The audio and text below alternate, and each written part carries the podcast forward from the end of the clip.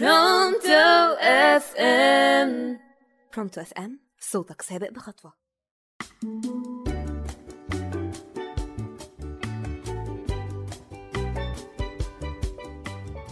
عزيزي المستمع الجميل اللي الشقة عنده مرمية والشغل في كل حتة واللحمة بسبعة جنيه وأوقات بيلاقيها بستة مساء الخير عليك وأهلا بيك في برنامجك قهوة سودا والحقيقة إن قهوتنا النهاردة مش سودا أوي. هي تحسها كده بلبن قلب على بني كارفة على أحلى حاجة أنت بتحبها. أيوة برافو عليك. إحنا هنتكلم عن الكورة. والحقيقة عزيزي المستمع الجميل بما إنك بتسمع كورة فأنت أكيد متابع الدوريات الكبرى.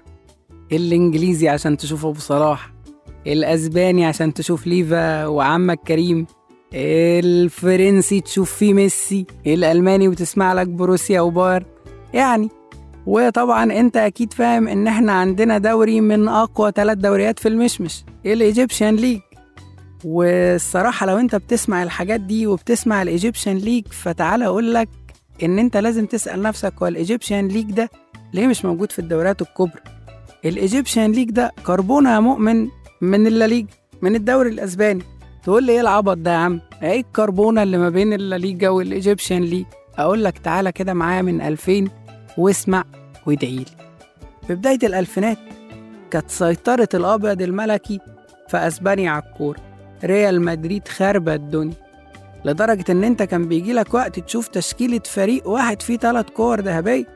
يعني رونالدو على زيدان ورونالدو الظاهرة طبعا على زيدان على فيجو. وناس تانية كده اللي هي صف تاني في ريال مدريد ملهاش لازمة هي نجوم شباك وشباك قوي كمان. لو راحت فرق تانية بيكهام على روبرتو كارلوس على راؤول بونزاليس يعني الموضوع كبير. واختفاء تام لبرشلونة. يعني مفيش كانوا جايبين واحد اسمه فانخال بعيد عنك كان مطلع عينيهم.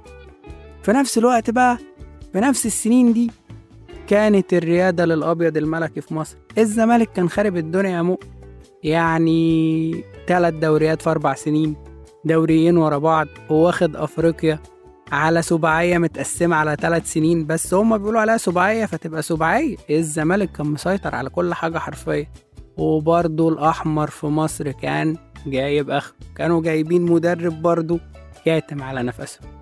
ومن 2005 كده ابتدت برشلونة تتعاقد مع مهاجم رفضه ريال مدريد عشان شكله وحش. واحد كده اسمه رونالدينيو اللي هو بقى أحرف واحد شفته في حياتك يعني. الراجل ده خد برشلونة لحتة تانية خالص.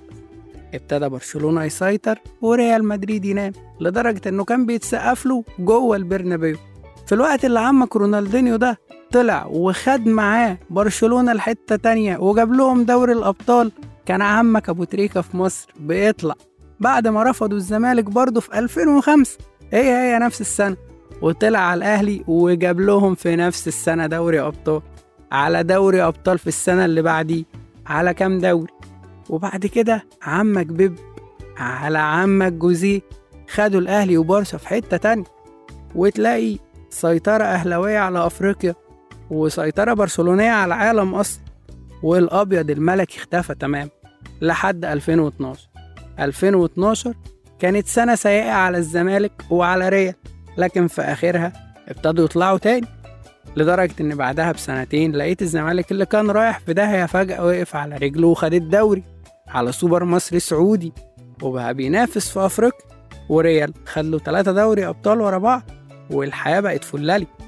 يعني اللي بيحصل عندك هناك بيحصل عندنا هنا. إيه الفرق بقى ما بين ال Egyptian League العظيم ولا ليجا يعني التحكيم هنا زي التحكيم هناك.